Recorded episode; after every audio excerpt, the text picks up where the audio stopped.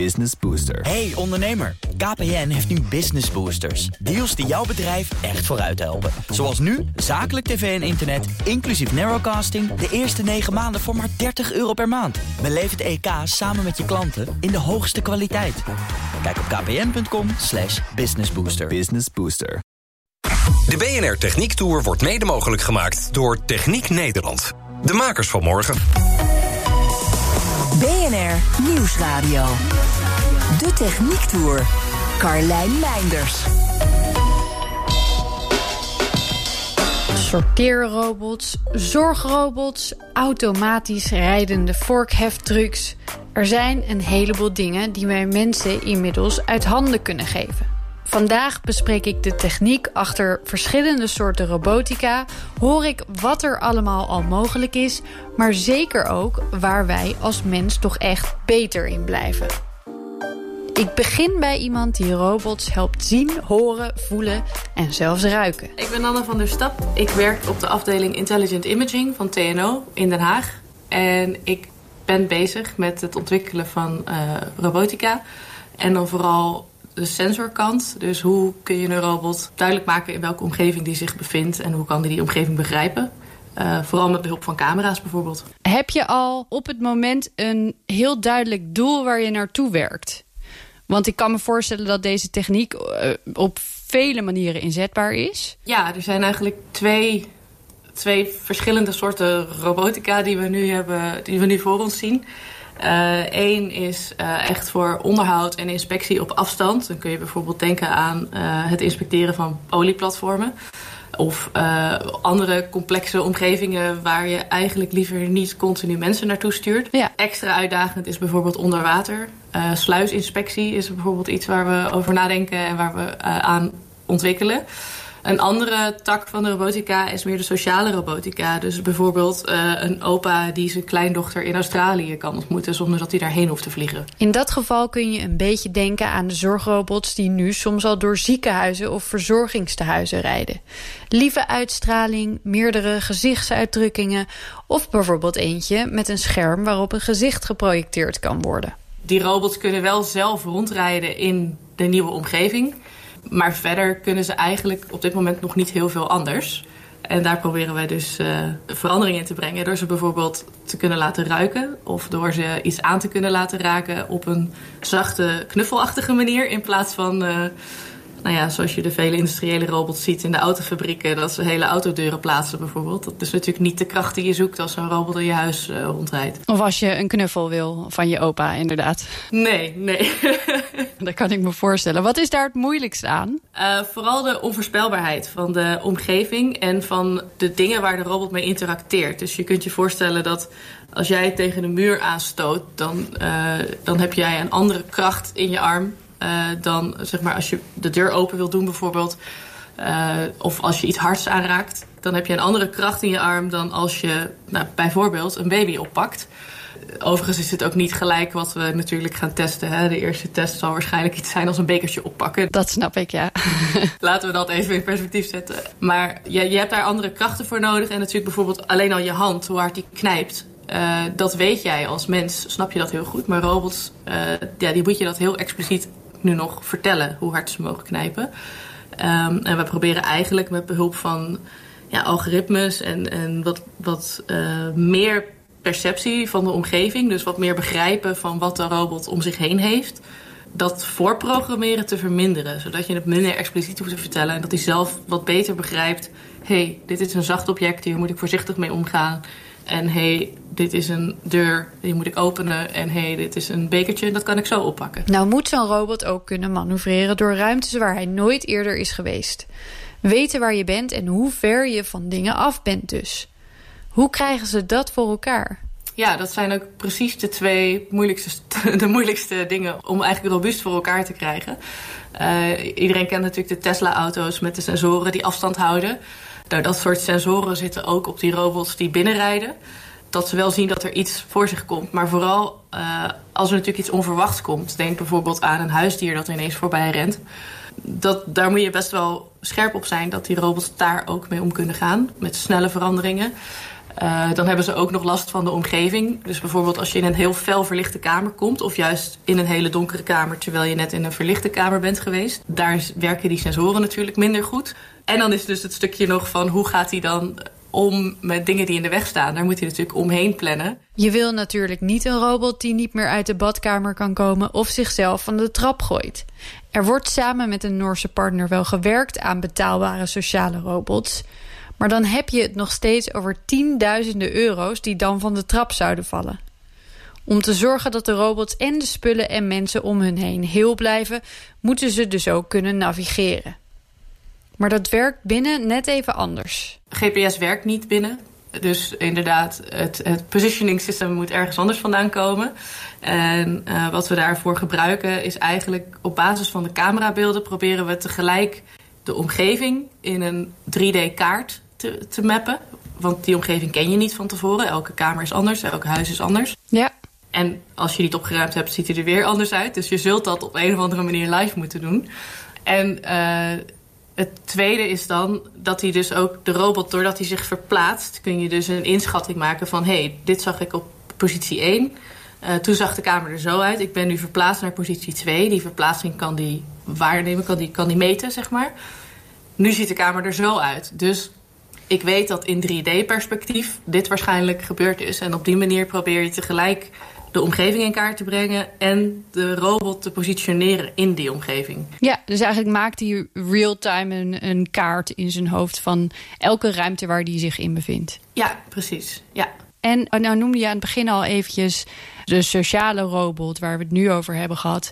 En de um, robot die we in de werkpraktijk zouden kunnen gebruiken. In de meer de onderhoudstechniek bijvoorbeeld. Hoe anders is het om daar een robot voor te ontwikkelen? Ja, heel anders. Waar je in de sociale omgeving vooral bezig bent met, met de dingen die we net bespraken. Maar bijvoorbeeld ook met het herkennen van mensen of uh, het, het omgaan met de, de sensorische indrukken zoals je die als mens gewend bent. Uh, zit je in het onderhoudsscenario veel meer in de omgaan met de moeilijkheid van de omstandigheden. Dus als je onder water onderhoud doet, dan heb je bijvoorbeeld amper bandbreedte om te communiceren met de robot. Hoe ga je daarmee om? Gezien het tekort aan technisch personeel is zo'n robot natuurlijk een mooie uitkomst als de expert die je nodig hebt te ver weg is om snel in te grijpen. Iemand met minder ervaring kan dan samen met de robot en iemand op afstand hetzelfde probleem oplossen. En uiteindelijk moet die robot dat natuurlijk helemaal alleen kunnen. Ook bij reddingswerk zou zo'n robot belangrijke taken kunnen overnemen. Als je niet zeker weet of een gebouw stabiel is... of als er bijvoorbeeld uh, mogelijk gevaarlijke stoffen zijn vrijgekomen... grote branden waar mogelijk gevaarlijke stoffen zijn... maar waarbij ook gewoon de, de mens qua sensor, qua oog... niet kan zien waar de brandhaard is... Ja, een robot kun je voorzien van sensoren die dus net iets anders zien dan de mens. Ja. Uh, waardoor ze misschien wel die brandhaard kunnen zien. Er zijn ook mooie voorbeelden te vinden van een infraroodcamera waarmee je door een raam kijkt. En als mens zie je gewoon één grote rookwolk. En als uh, die, die camera die ziet gewoon dat er nog een persoon achter het raam staat.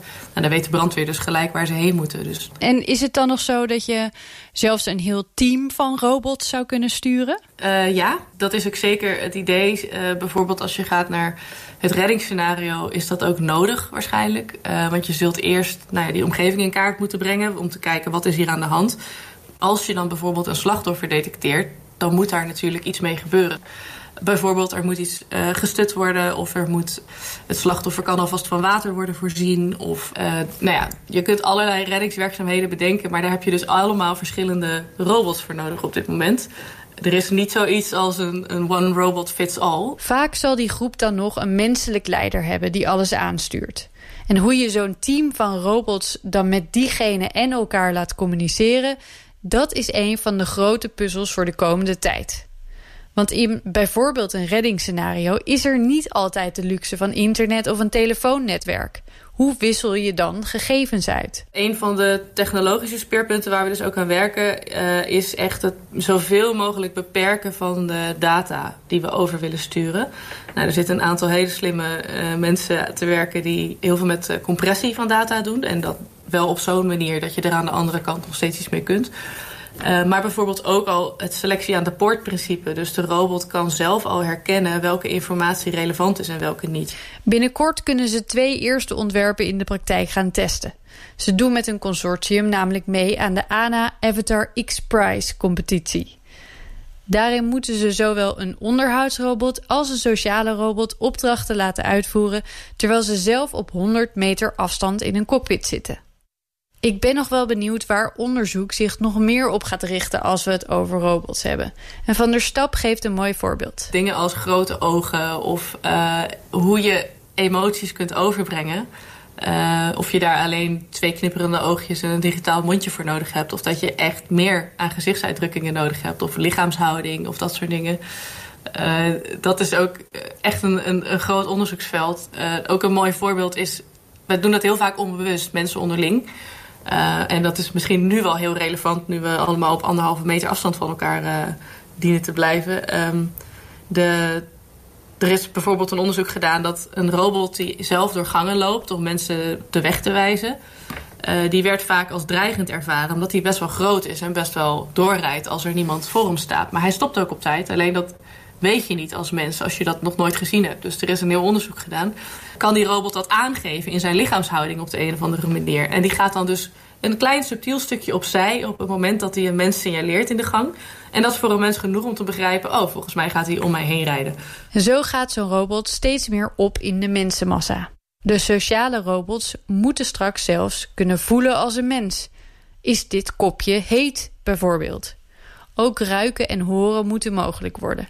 Zo kan de opa die de robot vanaf een afstandje bestuurt... net als zijn kleinkind omhoog kijken als er ineens een vogeltje overvliegt. De Techniek Tour. Van onderhoud en sociaal contact gaan we naar een plek waar automatisering misschien nog wel het snelst gaat op dit moment. Het magazijn. Mijn naam is Herbert ten Haven. Ik ben de CEO van Pfizer, Pfizer in, eh, in Delft. En wat ontwikkelen jullie precies? Wij ontwikkelen algoritmen die het mogelijk maken dat een robot onbekende producten kan pakken. Ja, en dan moet ik meteen denken aan hele grote uh, magazijnen met, vol met pakketjes. Dat klopt. Wij zijn uh, gespecialiseerd in de logistiek. En dat is zowel order of item picking van uh, in e-fulfillment, e-commerce, als wel uh, op het moment dat het verpakt wordt in een doos of in een zak en het wordt een parcel en wordt vervoerd door PostNL, UPS of DHL. Uh, in die business zitten wij ook. Dus we kunnen pakken van al dat soort pakketjes. En ze zijn dan niet verantwoordelijk voor het bouwen van de hele robot, maar ze zijn eigenlijk de ogen. Wij doen het computer vision deel van het probleem. Dus wij vertalen het beeld van de camera, meestal een stereocamera, in oppaklocaties. En daarna moet uh, uiteraard de robot en ook de gripper uh, het ook nog aankunnen. Dus daar liggen ook vaak nog beperkingen. Ja, want wat is aan jullie kant van de techniek het moeilijkste om voor elkaar te krijgen? Um, dat is uiteraard het omgaan met onbekende situaties. Dus er kan altijd iets beschadigd zijn of iets strak tegen elkaar aanliggen of aan elkaar vast blijven plakken. We zijn in de logistiek, de praktijk is zeer weerbarstig. Dus daar hebben wij ook als computer vision bedrijf mee te maken. Ja, wat geef eens een, een voorbeeld van wat jullie dan in de ontwikkeling ervan zijn tegengekomen als een soort uh, obstakel, zeg maar? Nou, bijvoorbeeld uh, reflecterende uh, items. Dus die, die maken als het ware van, van het product plastic of metaal maken het een spiegel. Dus de camera die gebruikt licht en dan, uh, die kijkt dan in gewoon een bundel licht terug, dus dan kan hij het niet herkennen. Dus dan moet je weer met bepaalde filters en andere belichting gaan werken om dat soort uh, reflecterende items te kunnen, kunnen pakken. Een ander probleem is uh, items die uh, heel dicht tegen elkaar aanzitten of uh, overlappen. zwart op zwart, wit op wit. Dat zijn allemaal lastige uitdagingen. waarbij je als eerste moet segmenteren. Dus je moet zien waar het ene object eindigt en het volgende start. Als wel kunnen bepalen waar je het het beste kunt pakken. Dus hoe beter wij uh, begrijpen van wat er ligt, hoe beter het algoritme in staat is ook om de beste oppaklocatie te kunnen aanwijzen. De visuele cortex van de robot dus. Ten Haven vertelt dat ze hier al heel ver in zijn en dat veel uitdagingen nog zitten in de fysieke wereld. Beperkingen van de grijper bijvoorbeeld of de zuignap van de robot. Natuurlijk kunnen ook de algoritmen nog verder getraind worden. Die blijven ze dan ook voeden met nieuwe beelddata na de installatie van het systeem. Zodat ze per locatie zo dicht mogelijk tegen foutloos aanzitten. Alle opnames uh, worden bewaard. En we kunnen dus zien als iets niet goed is gegaan of beter had gekund. Door die opnames uh, ook weer toe te voegen aan onze trainingsset. Dus dan gaan we dat weer labelen, annoteren. En vervolgens opnieuw trainen. En de volgende dag kunnen alle robots wereldwijd gebruik maken van de allernieuwste trainingsdata. Ja, dus die blijven ook voor altijd verbeteren eigenlijk. Ja, wij gebruiken supervised learning. Dat wil zeggen dat wij bepalen wat het algoritme leert. Uh, en ook hoe het leert. En, en uh, wij kunnen dus ook uh, tegen het algoritme bepalen van oké, dit is niet relevant, dat hoef je niet te leren. En deze moet je weer wel leren. En we kunnen ook transfer learning toepassen, zodat je van de ene het geleerde in de ene dataset weer toepast in de, in de andere. Dus we hebben volledig controle over wat het leert en wat het niet zou moeten leren. En dat doen ze niet zomaar. Want dat is efficiënter gebleken dan het systeem dit zelf laten doen. Als ik dit zo hoor, zijn we echt al heel ver met automatisering op dit gebied. De 100% gaan we nooit halen, meent Ten Haven. Er zullen in de logistiek altijd uitzonderingen blijven. Beschadigde verpakkingen bijvoorbeeld, waar een mens beter op kan reageren dan een robot. Maar we komen wel in de buurt de komende tijd. Wat we nu al zien, dus dat de nieuwe magazijnen, zeg maar, dat is Greenfield, uh, dat die ja, heel snel voor een groot deel worden geautomatiseerd. En ik denk dat uh, zeker waar je goede controle hebt over de productiestromen, dat je op een gegeven moment wel het licht uit kunt doen uh, in die magazijn. Dus ik, ik vermoed dat, dat binnen enkele jaren ga je wel de eerste magazijnen zien die uh, volledig geautomatiseerd zijn en wellicht alleen op afstand mensen meekijken naar die processen. Voorlopig ziet Ten Haven zijn software vooral als ondersteunend, ook aangezien er een tekort is aan personeel in de logistiek. Nou kan achter je laptop algoritmes trainen best een abstracte bezigheid zijn. Gelukkig stopt het daar niet voor Ten Haven. Het leuke is, wij werken voor een heleboel internationale klanten. Dus uh, een aantal in Amerika, overal in Europa, Israël en in het uh, Verre Oosten. Uh, Hongkong. En het is gewoon mooi om met op afstand zeg maar, dit te bereiken. Dus dat je samen met die partners uh, successen behaalt. En dat je op een gegeven moment video's terugziet hoe, hoe dingen in praktijk werken. En dat, is gewoon de, dat, dat geeft absoluut een kick. En betekent dat ook dat jullie midden in de nacht wakker gebeld kunnen worden... omdat er aan de andere kant van de wereld iets niet goed gaat? Gelukkig niet. Alhoewel, ze hebben mijn telefoonnummer wel. Uh, nee, we hebben uh, voordat iets wordt geïnstalleerd in productie, daar gaan echt wel wat, uh, heel wat maanden over, overheen, of soms al een jaar. En dan wordt het echt uitvoerig getest. Dus we hebben geen dagdagelijkse lijn met, met productie. We kunnen er ook helemaal niet bij, willen we ook niet. En dat, dat zit hem echt in de, in de second line support om dingen te, te verbeteren. We kruipen even uit het hoofd van de robot en zoomen uit met Niels van der Sloot, directeur van Veer Motion Solutions. Specialist in het automatiseren van goederenstromen en logistieke systemen. Het begon voor dit bedrijf met drukpersen. Je weet wel, dat ding waar onder andere onze kranten uitkomen. Inmiddels zijn ze er dus veel meer bij gaan doen. Het komt er eigenlijk op neer dat ze de ruimtes opvullen tussen de verschillende onderdelen van een proces. Dat kunnen wij middels uh, robots natuurlijk laten plaatsvinden die verschillende eilanden verbinden. We doen het ook wel door de lucht met hangentransport en shuttles. Dus wij hebben ons echt toegelegd op de verbinding in de bedrijven en niet zozeer op de, laten we zeggen, branche-specifieke machinerieën. Dus wij leveren geen bakkerijmachines, wij leveren geen vulmachines, maar wij leveren wel de machines die aan het einde van de lijn de pallets op een efficiënte manier naar het magazijn brengen, desgewenst in de vrachtwagen zetten en tussen de processen de bevoorradingen, replenishment, taken laten uitvoeren. Ze zorgen dus voor zo min mogelijk onderbreking in het proces na de productie. Dan heb je het eigenlijk vooral over het in- en uitpakken van vrachtwagens en containers en het sorteren van alles wat eruit komt of erin moet. En dat dan dus allemaal zoveel mogelijk automatisch. En die bewegingen die proberen we nou ja, over te nemen met ja, veelal toch uh, zogenaamde AGV's, Automatic Guided Vehicles, dus heftrucks die automatisch rijden, of AMR's, en dat zijn kleine shuttle robots die dan hun weg vinden binnen die operatie. Die automatisering is eigenlijk dus al heel ver als ik dat zo hoor. Ja, die automatisering is verder dan veel mensen zich uh, op dit moment realiseren. Wij zien dat ook in de praktijk. Er zijn bedrijven die uh, zeer goed op de hoogte zijn van allerlei uh, bewegingen en mogelijkheden.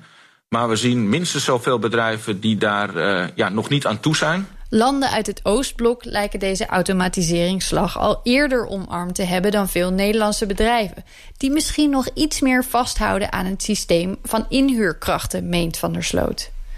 Waarom zou je als logistiek bedrijf eigenlijk kiezen voor automatisering? Sommige redenen liggen voor de hand. Robots hoeven natuurlijk niet naar bed of naar de wc, dus je kunt ze dag en nacht laten doorwerken. Daarnaast staat de data van het productieproces toch vaak al in computertaal opgeslagen. En die kun je heel makkelijk als opdracht dan weer doorgeven aan een apparaat. Maar er zijn volgens Van der Sloot nog veel meer voordelen. De accuratesse van de systemen is zeer hoog. Dus de foutmarge is, is, is nihil. Het storingspercentage is zeer laag. En wat wij ervaren met, uh, met, met ook de, de AGV's en de robots... is dat het onderhoudsniveau zeer beperkt is, omdat het allemaal gecontroleerde bewegingen zijn. Het laatste is, nou goed, dat, dat is nou eenmaal zo. Zij vervangen natuurlijk wel manuele, manuele arbeid. En voor de coronacrisis was er natuurlijk een grote schaarste aan mensen. Nou, door deze coronacrisis gaat dat natuurlijk met iets veranderen. Maar wij denken toch dat het toch blijft, die schaarste. En die kan je daarmee opvangen. Ik ben nog wel even benieuwd naar een opdracht waar Van der Sloot zelf met plezier naar terugkijkt. Hij geeft een voorbeeld van een metaalbedrijf dat een enorm grote opdracht binnenkreeg, maar niet in extra lasapparaten kon investeren. Ze losten het op met een Automatic Guided Vehicle. Dus in de dag prepareren ze werkstukken van A en B in zogenaamde trays. En die worden dan weggezet in een rek. De lasrobot vraagt af en op het moment dat er behoefte is aan nieuw materiaal... haalt de AGV dat uit het rek plaatst dat in de robot en kan die zo zijn doorgang vinden. Dit bedrijf was al heel ver met robots en had er geen angst voor. Dus die draaien een avond- en een nachtdienst bijna zonder personeel door, zonder dat ze eigenlijk in nieuwe lasrobots moesten investeren. Natuurlijk zijn er ook nog steeds situaties waarbij automatisering nog niet mogelijk is. Mensen blijven beter in alles wat afwijkt. Hoe gevarieerder in vorm, grootte en gewicht de productenstroom is, hoe moeilijker het is om door machines op te laten lossen. Toch gaat het in veel magazijnen nu hard. Het in en uit de rekken halen van spullen, dat gaat robots over het algemeen goed af. Hoe zorg je dat daarbij niet alles op elkaar botst? Dan moet je bij voorstellen dat je een grid hebt met uh, QR-codes op de vloer en navigatieapparatuur in de robots en die praten met elkaar. En een bovenliggend systeem coördineert dan zo dat ze nou ja, allemaal de ideale weg volgen. Om zo efficiënt mogelijk die goederen te halen en later weer weg te zetten. De volgende stap is, als het ook nog allemaal zelfdenkend moet zijn, dat heet dan SLAM. Dan kijkt de robotauto dus zelf wat de meest efficiënte weg is om door een bedrijf te gaan. Ja, dus dat, dat is beter nog dan als een bovenliggend systeem dat coördineert. Afhankelijk van de oplossing. Als je een echte online retail oplossing hebt met allerlei goederen die je alleen wil rapen, dan volstaat een 2D grid, een tweedimensionaal grid met QR-codes op de vloer. En die autootjes rijden eigenlijk in een vast, nou ja, vast vierkant of rechthoek, of hoe het er ook uitziet. Heb je meer uh, processen dat je tussen lijnen inrijdt en je moet ergens naartoe, dan is het SLAM, het Simultaneously Location and Mapping systeem, is dan wel de oplossing. Uh, omdat je ook heel flexibel maakt om verschillende missies aan te geven aan die auto's. Dus je hoeft niet altijd van A naar B naar C naar D. Je kan dan ook van A naar C en dan naar F. Voor elke situatie is er dus van alles mogelijk. En voor elke klus is er inmiddels wel een robot in de maak. Op sommige vlakken zijn we in Nederland misschien nog niet zo happig op die automatisering... en huren we toch nog liever wat extra mensenhanden in. Maar het valt niet te ontkennen dat het hard gaat en dat er echt al heel veel kan. Ik blijf het natuurlijk op de voet volgen. Voor nu zijn we aan het einde gekomen van deze aflevering. Volgende week ga ik de weg op. Dan hoor je alles over technische innovaties voor in het verkeer. Tot dan vind je alle afleveringen van de Techniek Tour online en in de app. De BNR Techniek Tour wordt mede mogelijk gemaakt door Wijtechniek. Wijtechniek. Samenwerken aan jouw ontwikkeling. Hardlopen, dat is goed voor je. En Nationale Nederlanden helpt je daar graag bij. Bijvoorbeeld met onze digitale NN Running Coach... die antwoord geeft op al je hardloopvragen. Dus, kom ook in beweging. Onze support heb je. Kijk op nm.nl slash hardlopen.